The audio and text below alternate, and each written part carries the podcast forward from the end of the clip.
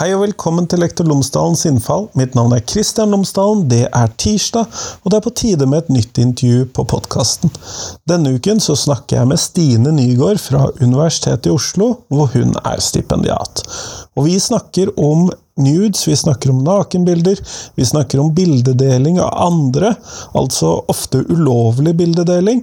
Vi snakker om eh, hvorfor man sender nudes, hvorfor man deler bilder videre, hvordan seksualitetsundervisningen kan forholde seg til dette.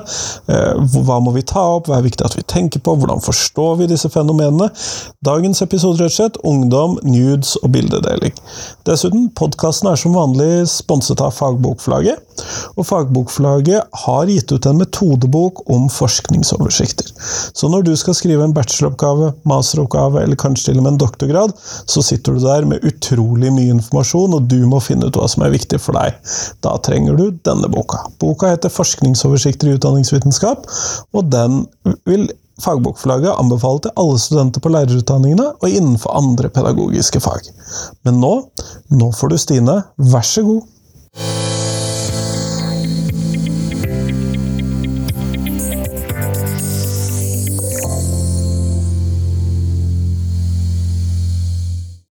Stine Nygaard, tusen takk for at du har tatt deg tid til meg i dag. Tusen takk for at jeg fikk lov til å komme. Før vi kommer sånn helt i gang med podkasten, så hadde jeg håpet at du kunne fortelle lytterne mine tre ting om deg selv, sånn at de kan få bli litt bedre kjent med deg. Ja, altså det er jo litt utfordrende å koke seg ned til tre ting. Hele personligheten sin. Det mener jeg essensen av det mener Men øh, jeg kan jo nevne tre ting som jeg tenker er viktig for det arbeidet jeg gjør. Så jeg er Det første er at jeg er sosialist, feminist, antirasist og forsøker mitt beste å være en god alliert til LHBT-befolkningen. Eh, så oppsummert er jeg veldig opptatt av likestilling. Og det har kanskje blitt litt sånn førende for det arbeidet jeg gjør. Jeg er veldig opptatt av eh, seksualitet, kropp og kjønn.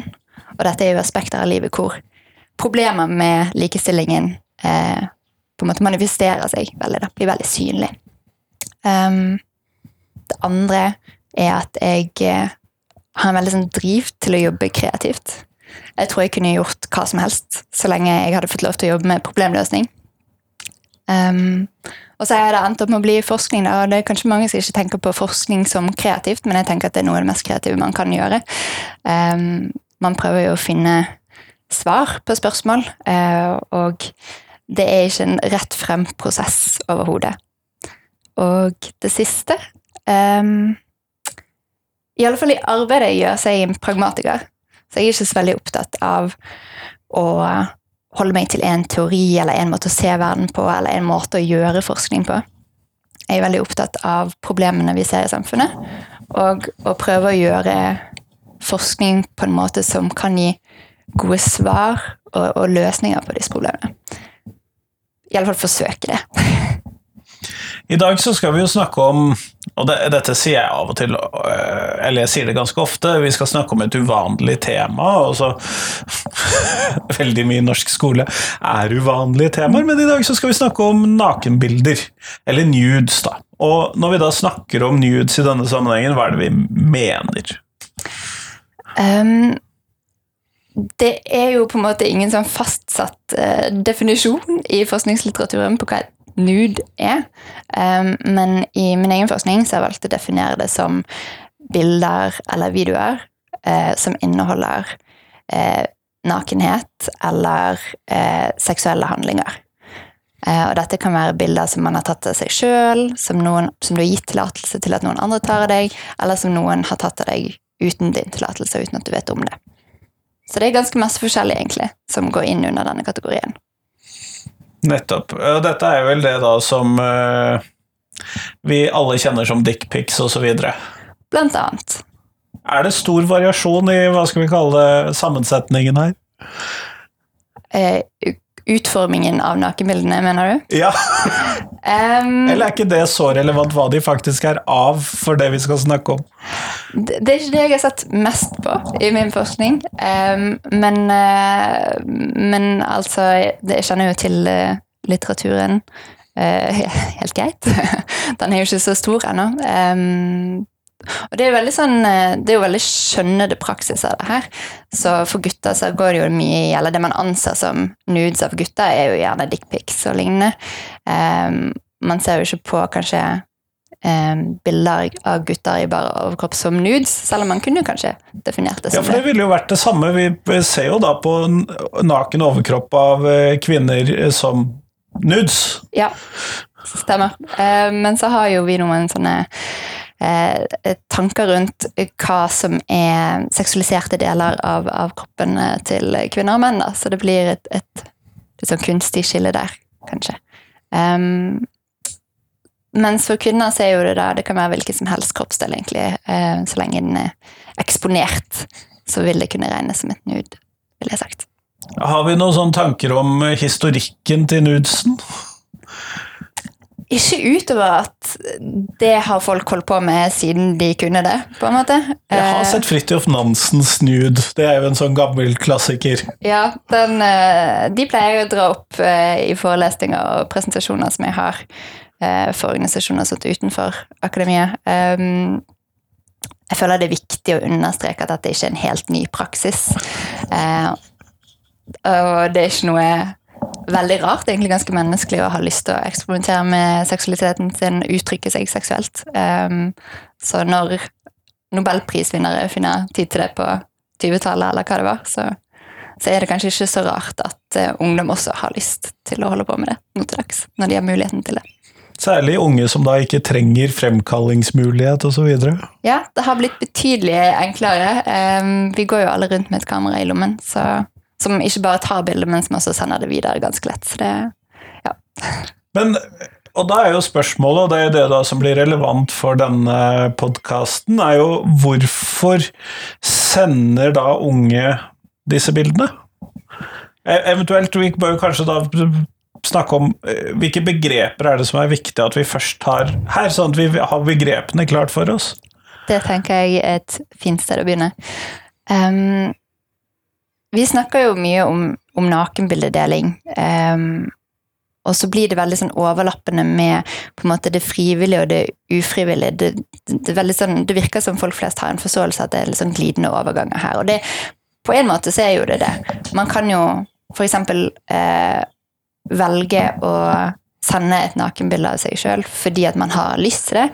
Men man kan også velge å sende det fordi man føler seg presset til det. Så det er stadig på en måte en sånn eh, ja, en glidende overgang mellom det frivillige og det ufrivillige. Men jeg tenker det er veldig viktig å lage tydelige skillelinjer mellom det å dele et nakenbilde av seg sjøl og det å spre et nakenbilde av noen andre. Så jeg bruker gjerne begrepene nakenbildedeling for det å ta et bilde og dele et nakenbilde av seg sjøl, og nakenbildespredning om det å, å spre et bilde av noen andre uten deres tillatelse.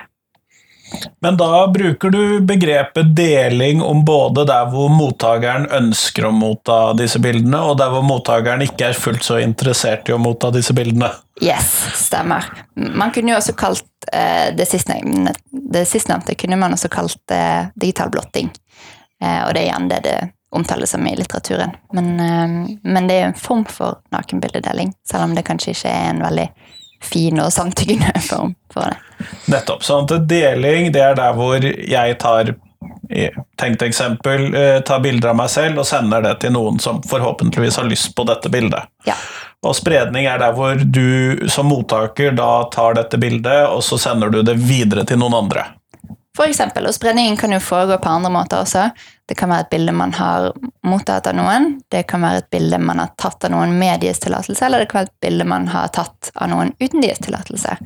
Det kan også være et bilde man har funnet på nett, men som man ikke har tillatelse til å ha, og så allikevel sprer det videre. Så det, det foregår på veldig mange forskjellige måter, egentlig. Jeg, jeg ser for meg en ganske stor tabell her med mulige, mulige handlinger og utfall her. Stemmer, stemmer. Eh, og, og det er kanskje noe av det som er viktigst å ha i hodet. Også, også for meg som forsker i litteraturen så skiller man veldig lite mellom disse ulike scenarioene. Um, så, så, det er en del uh, uheldige sammenblandinger, da. Både i uh, litteraturen, men også i uh, vil jeg sagt, den offentlige diskursen rundt dette. Og det er jo på mange måter litt uheldig. Man kunne jo se, se, dette i større grad knyttet til forskjellen mellom sex og voldtekt tidligere, i hvordan det ble omtalt offentlig, at det var litt sånn uklare grenser, og det har vel vært noen sånne overskrifter à la 'ufrivillig sex', eh, som jeg, jeg, håper at vi slipper å se igjen. Men noe av det samme kan jo høres ut som vi eh, har da på nudes-feltet fremdeles, at det er litt sånn uklare samtykkegrenser. Ja, altså jeg tenker kanskje spesielt siden det blir oppfattet i alle fall som et ganske nytt fenomen. eller det er i alle fall litt, Om enn det ikke er et nytt fenomen, så er det noe folk flest ikke har trengt å forholde seg til tidligere, fordi at de ikke har hatt teknologien til at det er blitt så utbredt som det er blitt i dag. Så når vi nå da har litt mer sånn klarhet i disse begrepene, eller i hvert fall vi har disse begrepene å lene oss litt på, hvorfor uh, både deler og sprer mennesker generelt, men da kanskje særlig unge mennesker, disse nakenbildene eller nudesene? Godt spørsmål. Um, jeg tenker Når det kommer til deling, spesielt kanskje den frivillige delingen, um, så er jo det ofte av de samme grunnene som at voksne deler nakenbilder av seg sjøl. Og dette er jo ikke et ungdomsfenomen, et eksklusivt ungdomsfenomen. Uh, det er også noe som unge voksne og også eh, folk i 30- og 40-årene holder på med. Um, vi gjorde faktisk en seksualvaneundersøkelse i 2020 og fant at til og med folk oppe i 60-70-årene hadde tatt, tatt, og delt nakenbilder av seg sjøl. Så det Ja. Men uh, i litteraturen så ser man i alle fall at, at, ungdom oppgir gjerne de samme grunnene som det voksne som har blitt intervjuet, oppgir. Så det handler mye om å eksperimentere seksuelt, uttrykke seg seksuelt, men også det å, å bygge eh, og flørte med partneren sin eller en man er interessert i. Bygge litt sånn romantiske seksuelle relasjoner. Eh, øke intimitet. Eh, ting som man vanligvis Altså de samme motivene som man har for å, å gjøre andre seksuelle ting, ofte. Eh, det finnes jo selvfølgelig også denne mindre frivillige, kanskje litt problematiske nakenbildedelingen med blotting og press og sånt. Eh, det er litt morsomt med denne blottingslitteraturen. Maler et bilde av det er Hovedsakelig fokus på menn, og maler et liksom bilde av at menn sender nakenbilder fordi at de har et håp om å få det tilbake. Så det er en litt sånn, nesten litt sånn søt og naiv tankegang om at hvis jeg gjør det, så vil noen sette veldig pris på det, og så vil jeg få det igjen. um, og så finnes det et mindretall som gjør det for å sjokkere og for å skape ubehag hos mottakeren. Men ja, det er litt sånn på siden av det jeg jobber med til vanlig. Um, når det kommer til eh, spredning, så, så, vet vi ikke så veldig mye om det ennå, utover det um, på en måte det de som har spredd nakenbilder av andre, oppgir som grunn sjøl. Eh, og mye av den forskningen har på en måte brukt sånne checkboxes der den, den, eh, den boksen som har fått mest avkrysning, er annet.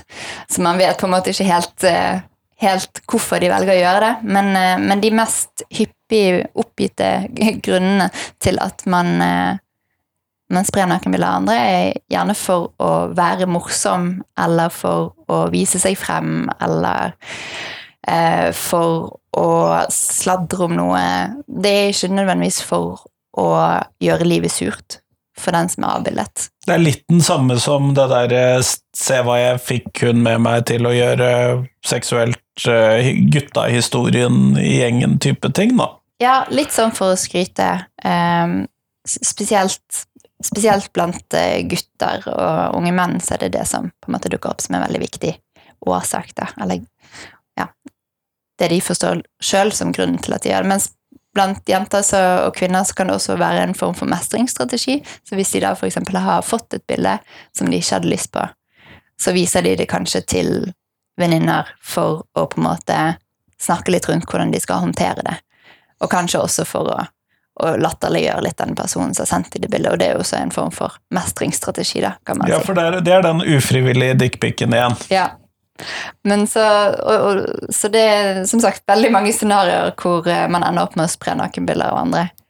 Um, så det er veldig mange forskjellige motiver som blir gitt uh, oppgitt av de som har gjort det. da.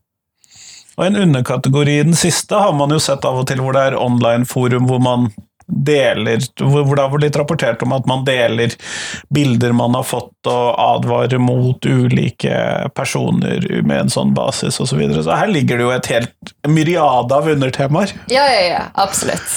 Eh, så, så det det er den store utfordringen tenker jeg, på, på forskningsfeltet, å prøve å å vise litt mangfoldet av disse scenarioene og, og, prøve å lage litt skillelinjer mellom dem, sånn at man kan eh, besvare de spørsmålene man sitter med. Da. Hvorfor gjør noen dette, hva kan vi gjøre for å forebygge det? Mm. Men eh, du fortalte meg at du skiller mellom tre ulike aktører inn i dette. Eh, kunne du prøve å beskrive disse, denne sammensetningen? ja, veldig gjerne. Har blitt eh, litt sånn hovedfokuset i arbeidet mitt, egentlig. I litteraturen så har man hatt veldig mye fokus på offer, og deretter på utøver. Eh, altså den som er avbildet og opplever spredning, og den som sprer dette bildet videre. Um, og så er det egentlig helt åpenbart, men det tok meg litt tid å innse allikevel at det alltid er en tredjepart til stede. Og det er den som får tilsendt bildet, eller får det vist frem for seg. da. Eh, altså tilskueren til nakenbildespredningen. Og det finnes veldig lite forskning på denne gruppen, men de spiller en veldig stor og viktig rolle i det som skjer. De er jo både en del av på en måte motivet til den som sprer bildet, og de blir også veldig utslagsgivende for hvor skadelig dette blir for den som blir utsatt for det. Um, men eh, det finnes enn så lenge veldig lite forskning på spesielt da hvordan unge eh, responderer på å bli vitne til at et nakenbilde blir spredd. Ja, men eh, når du da setter det opp i en sånn tredeling, er det da soleklart hvem det er som er uh, offeret, og hvem det er som er utøveren? Her, er det alltid like klart? Nei, absolutt ikke. Um, det er spesielt kanskje glidende overganger mellom det å være utøver og være tilskuer. fordi at en tilskuer kan jo velge å bidra til spredningen eh, ved å sende bildet videre til andre. Um, Plutselig hopper man kategori? ja, det er nettopp det. Eh, og eh, selv om det kanskje ikke for eh, en enkelt situasjon er nødvendigvis glidende overganger mellom det å være offer og utøver, så ser man gjerne at de som har blitt utsatt uh, for spredning, også har utsatt andre for spredning. Så jeg synes jo at mye av dette tyder på at det finnes noen sånne mikromiljøer eller kulturer der, der, der noen ungdom driver med nakenbildespredning, og lett går inn og ut av de forskjellige rollene, på en måte. Og når du da sier det, vet vi noe om hvor mange det er som driver med nakenbildedeling, spredning, i det hele tatt? Um, vi har ikke veldig robuste tall på dette. Um, det vil vel kanskje prege mye av dette? ja, absolutt. At det er jo et ganske nytt eh, tema for forskning. Men uh, noen av de beste undersøkelsene, undersøkelsene, som vi har i Norge, uh, er Barn og media-undersøkelsen. De uh, har spurt ungdom spørsmål om de deler nakenbilder av seg sjøl, og også i senere år har de begynt å spørre om de har spredd nakenbilder av andre. Og nå har jeg det ikke helt klart for meg eh, hvilke på en måte eh, forekomst de har funnet, men det ligger et sted mellom, mellom 5 og 10 prosent, vil jeg sagt. Ja, for det er, jeg, det er det jeg mener. Da. Husk at det ligger på også ca. det som deler bilder. Ja. Så det er jo ikke en så vanlig praksis egentlig blant unge. Nei, eh, det er det ikke. Eh, det har vært en litt økende trend, men eh, ikke, ikke Altså nå er jo, den, den, trenden vi har sett i liksom økning av nakenbildedeling, hvorfor dette er blitt et fenomen som vi er nødt til å forholde oss til, har jo mye med den digitale utviklingen å gjøre. Og de siste fem årene så har jo på en måte tilgangen til eh, smarttelefoner og sånt vært ganske stabil blant ungdom, så man ser ikke en sånn veldig økning egentlig i forekomst av nakenbilde deling og spredning. Eh, det holder seg eh, relativt jevnt på et litt sånn lavt nivå. Det er færre som driver med spredning enn som driver med nakenbildedeling. Det er jo viktig å, å vite om, tenker jeg. Men når vi da, fordi at dette er jo en skolepodkast, og dette er jo noe som skjer, og det er jo en, det er ikke en ny måte å utforske seksualiteten på. Samtidig så kan det ha ganske store konsekvenser for de som får bildene spredd, og det det, det, er litt sånn, hva skal vi kalle det, blanda tema. Samtidig så kan man jo også få tidvis inntrykk av at dette er noe alle tenåringer driver med, og at vi foreldre må låse disse telefonene vekk eh, for å hindre dette. Og så viser jo tallene at dette er i hvert fall under en femtedel av alle eh, barn og unge som driver med dette. Og da, det store spørsmålet da er jo dette her hvordan skal vi som skole og lærere og seksualitetsundervisere eh, snakke om dette, forholde oss til dette? Skal vi rette pekefingeren, skal vi ikke rekke pekefingeren? Hvor er de praktiske implikasjonene da, arbeidet ditt? um, si det Man kan jo tolke det i mange forskjellige retninger. Um, jeg tenker, For det første må vi ta utgangspunkt i kanskje de, de verdiene som vi har i skolen allerede. Uh, det er jo sterkt fokus på seksualitetsundervisning i skolen, uh, og i Norge så er, er jo seksualitetsundervisningen utformet sånn, og, målet med den er at eh, vi skal utruste elevene med god kunnskap til å ta gode valg i seksuelle situasjoner, ikke forhindre de i å havne i seksuelle situasjoner i utgangspunktet. Det er jo mer Eh, en, en, form for undervisning som man kanskje holder på med i USA, der abstinence-tilnærminga er litt mer vanlig. Så vi ønsker jo i utgangspunktet Og vi har en innstilling til ungdommers seksualitet. At, at det skal være noe naturlig å prøve å få det til å være en fin opplevelse for ungdom. Og la de få utforske dette på en god måte. Eh, og jeg tenker man skal ha litt samme innstillingen til nakenbilder. Jeg sier ikke man skal gå rundt og oppfordre ungdom til å ta nakenbilder og si at dette er kjempeviktig for å ha det kjekt. Det er det absolutt ikke. Men det sier vi ikke om sex i skolen heller. det er nettopp det. Så det handler ikke om å liksom promotere dette som, eh, som, noe som er kjekt å holde på med, men uh, og heller ikke snakke om det som noe som er problematisk eller farlig i og for seg sjøl. Um, for noen så kan jo det være veldig hyggelige opplevelser. Um, så man skal ikke prøve Jeg tenker det er viktig at man ikke moraliserer uh, det. Eller, ja. Uh, og, og, hvis man gjør det, uh, og det er jo noe jeg har fått mye på en måte tilbakemeldinger om og på en måte sett i intervjuene med de ungdommene jeg har snakket med som har opplevd nakenbildeспredning, at de sitter med et sånt inntrykk av at det å dele et nakenbilde av seg sjøl i utgangspunktet er helt forkastelig. Og å ha det inntrykket hjelper jo ikke akkurat på prosessen med å komme seg gjennom det på en god måte hvis man blir utsatt for nakenbildespredning. For da kan man ofte føle seg dum eller naiv, som ikke forutså at man skulle bli utsatt for spredning. Man tar en stor del av skylden sjøl, og mange kan føle på skam. Dette er jo ikke nødvendigvis de mest gunstige følelsene Eh, og det gjør det jo lettere å bli utsatt for utpressing, f.eks. til ytterligere deling? Ja, altså hvis man havner i en sånn situasjon hvor, eh, hvor noen har fått tak i et bilde av deg og prøver å presse deg til å, å enten gi penger eller sende flere bilder, så hvis du føler at du ikke kan oppsøke hjelp, eh, så vil jo det absolutt gjøre situasjonen verre. Men når man da har man har delt bilder, man har snakket om dette, man har informert elevene kanskje om eh, dette er farene, dette er problemstillingene, men vi kan forstå at noen syns dette er interessant eller fint eller et eller annet. Og noen da er utsatt da for at bildene kom på avveie. Hvordan opplever da eh, de som blir utsatt for dette, hvordan opplever de den situasjonen? Det er ganske varierende, egentlig. Jeg har snakket med 20 ofre, fem gutter og 15 jenter. Der flestparten ble utsatt uh, for nakenbildespredning når de var uh, under 18 år, så de gikk på videregående eller ungdomsskolen. Og det var liksom en mål for meg å prøve å fange en, bredde av opplevelser. men likevel på tvers av liksom, de intervjuene som vi hadde, så oppdaget vi at det var noen, eh, noen temaer som dukket opp i alle.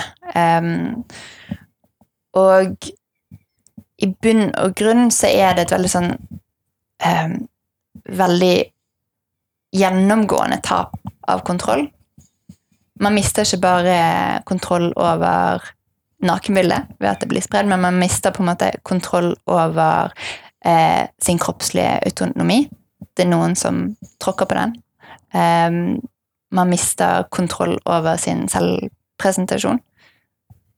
Så man får ikke på en måte eh, Ja, man får ikke ha kontroll over hvordan andre ser en. Eh, og det er jo ganske ubehagelig på hvilket som helst stadie i livet, men kanskje spesielt i ungdomstiden, når man er veldig opptatt av å finne ut hvem man er, og man lyst, hvem man har lyst til å være i forhold til andre. Eh, og så mister man kontroll over eh, hverdagen sin. Eh, spesielt igjen kanskje for ungdom. Man er litt sånn fastlåst i at man må gå på skolen. Man har ikke økonomien til å forflytte seg hvis livet blir litt vanskelig. Eh, så hvis et bilde blir spredd til hele skolen, så kan ikke du unngå at noen kommer opp til deg og gir deg beskjed om at de har sett bildet, eller spør deg om, om det er du som er på det bildet, eller ja. Så man, man ja, får ikke muligheten til å unnslippe litt sånn ubehagelige situasjoner. Eh, og så mister man også kontroll over det å kunne komme seg videre. Dette var litt sånn dårlig formulert, men siden dette bildet eh, spres gjerne digitalt, så har man ikke en reell mulighet til å sette en stopper for det. Nei, For du kan ikke gå og slette det hos alle? Nei, eh, du kan forsøke, men det er ikke gitt at det har fungert. Så dette er noe som kan dukke opp igjen og igjen og igjen gjennom livet. Eh, og det, det, kan bli en ganske stor belastning for mange pga. det. Ja, fordi det er gamle polaroidbilder, eller hvis noen hadde faktisk fått de fremkalt på egen hånd, eller enda være hos en profesjonell aktør. Eh, så når alle papirkopiene var slutt, så var det slutt. Ja. Eh, og det var ofte sikkert bare én eller to av det samme bildet. Ja. Men her så Ja. Det er ute i det store internettet, og da er det ikke så mye man kan gjøre med det annet enn å selvfølgelig håpe på det beste. Hadde de noen strategier for å møte dette som dukket opp som du så, eller var dette um, mer fortvilelse? Um, igjen veldig forskjellige opplevelser uh, jeg har hørt om. Um, det er noen som har gått veldig sånn aktivt til verks og forsøkte å stoppe spredningen. Uh, og hvis de ikke greide greid å, stoppe spredningen, så i alle fall på en måte ta kontroll over det narrativet rundt spredningen ved å sørge for at folk vet hva som skjedde i den situasjonen, at det ikke var uh, på en måte offeret sin intensjon at dette skulle nå ut til alle sammen. For noen har det vært veldig viktig.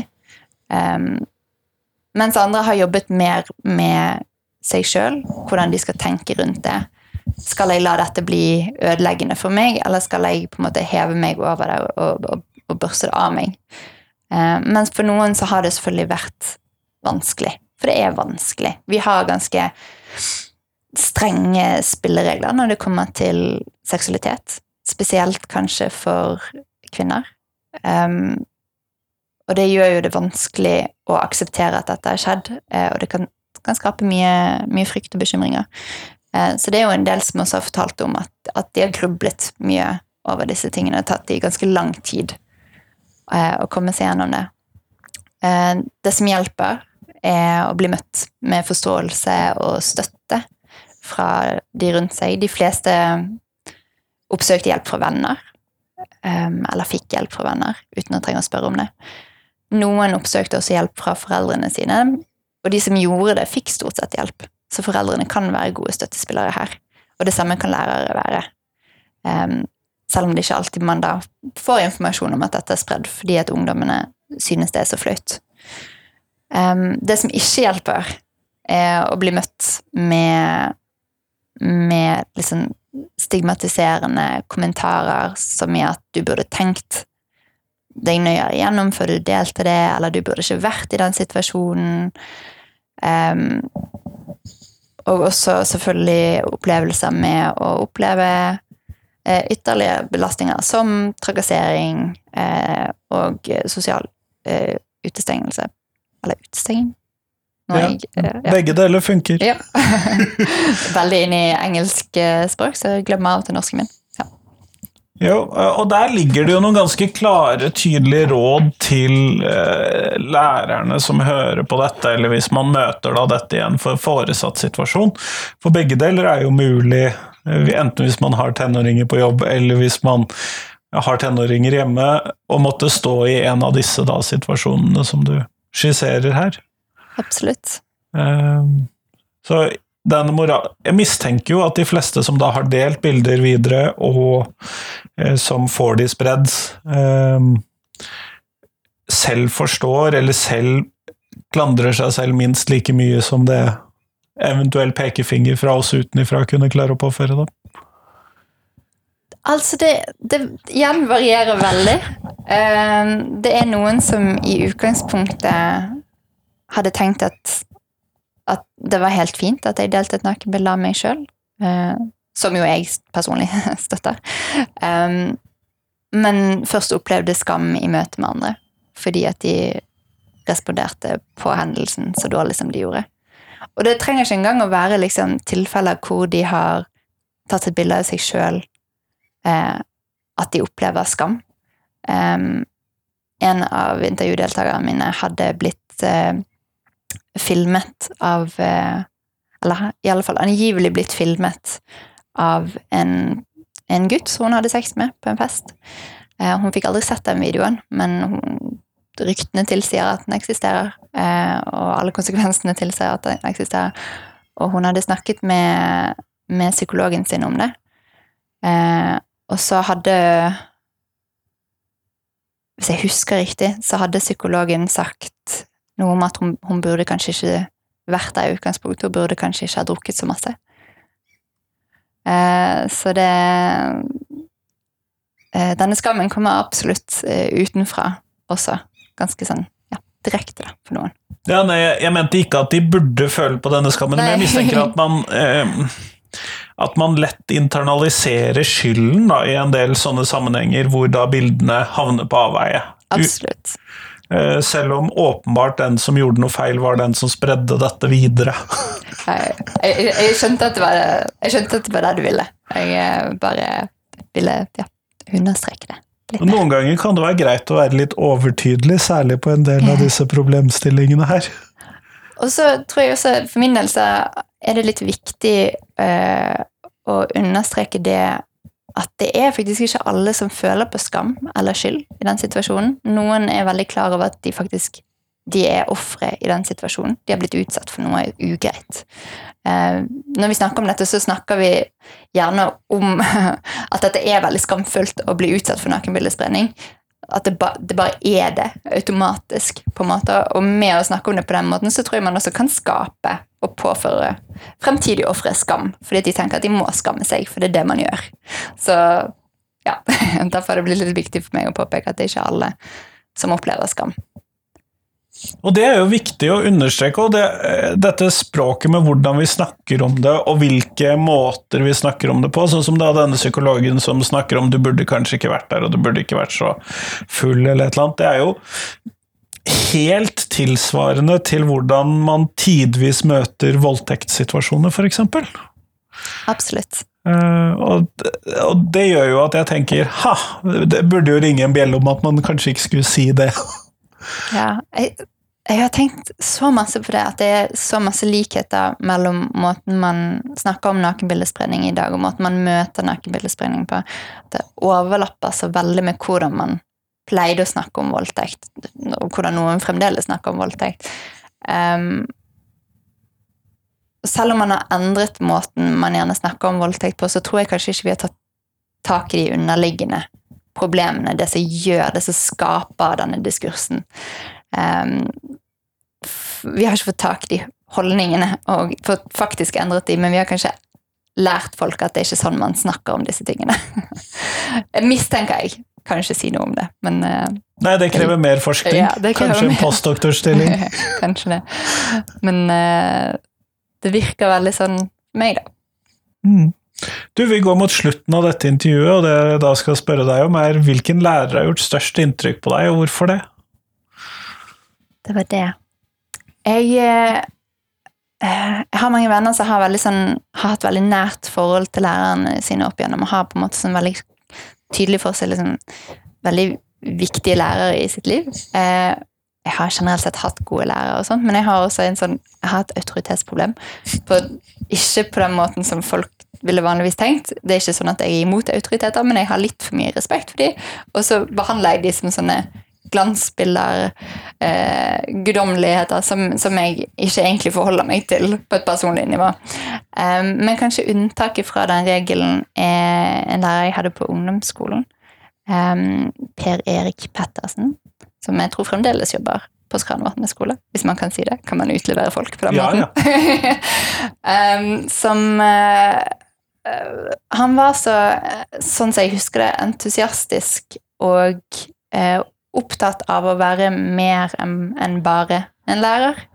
Um, både i å finne på, eh, eh, på gøye måter å kommunisere eh, temaene vi jobbet med, men også å ha andre aktiviteter inn i skolen, som, som Skranvatnet skole har noe som heter Danseuken.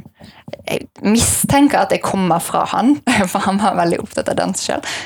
Men dette kan være en faktafeil. Eh, Men, eh, Men han var veldig opptatt av han. han var veldig opptatt av den. Eh, og jeg opplevde også at, at han var en av de eh, lærerne som liksom virkelig sånn så elevene sine. Eh, og jeg følte at, jeg, at jeg kunne bare få lov til å håndtere skolehverdagen slik jeg håndterte skolehverdagen. Eh, fordi det var ikke alltid så enkelt. Eh, så eh, Ja, jeg, jeg følte han virkelig så meg og hadde rom for å la meg være meg, også i skolen. Det var veldig fint. Kjempeflott. Tusen takk, Stine. Tusen takk.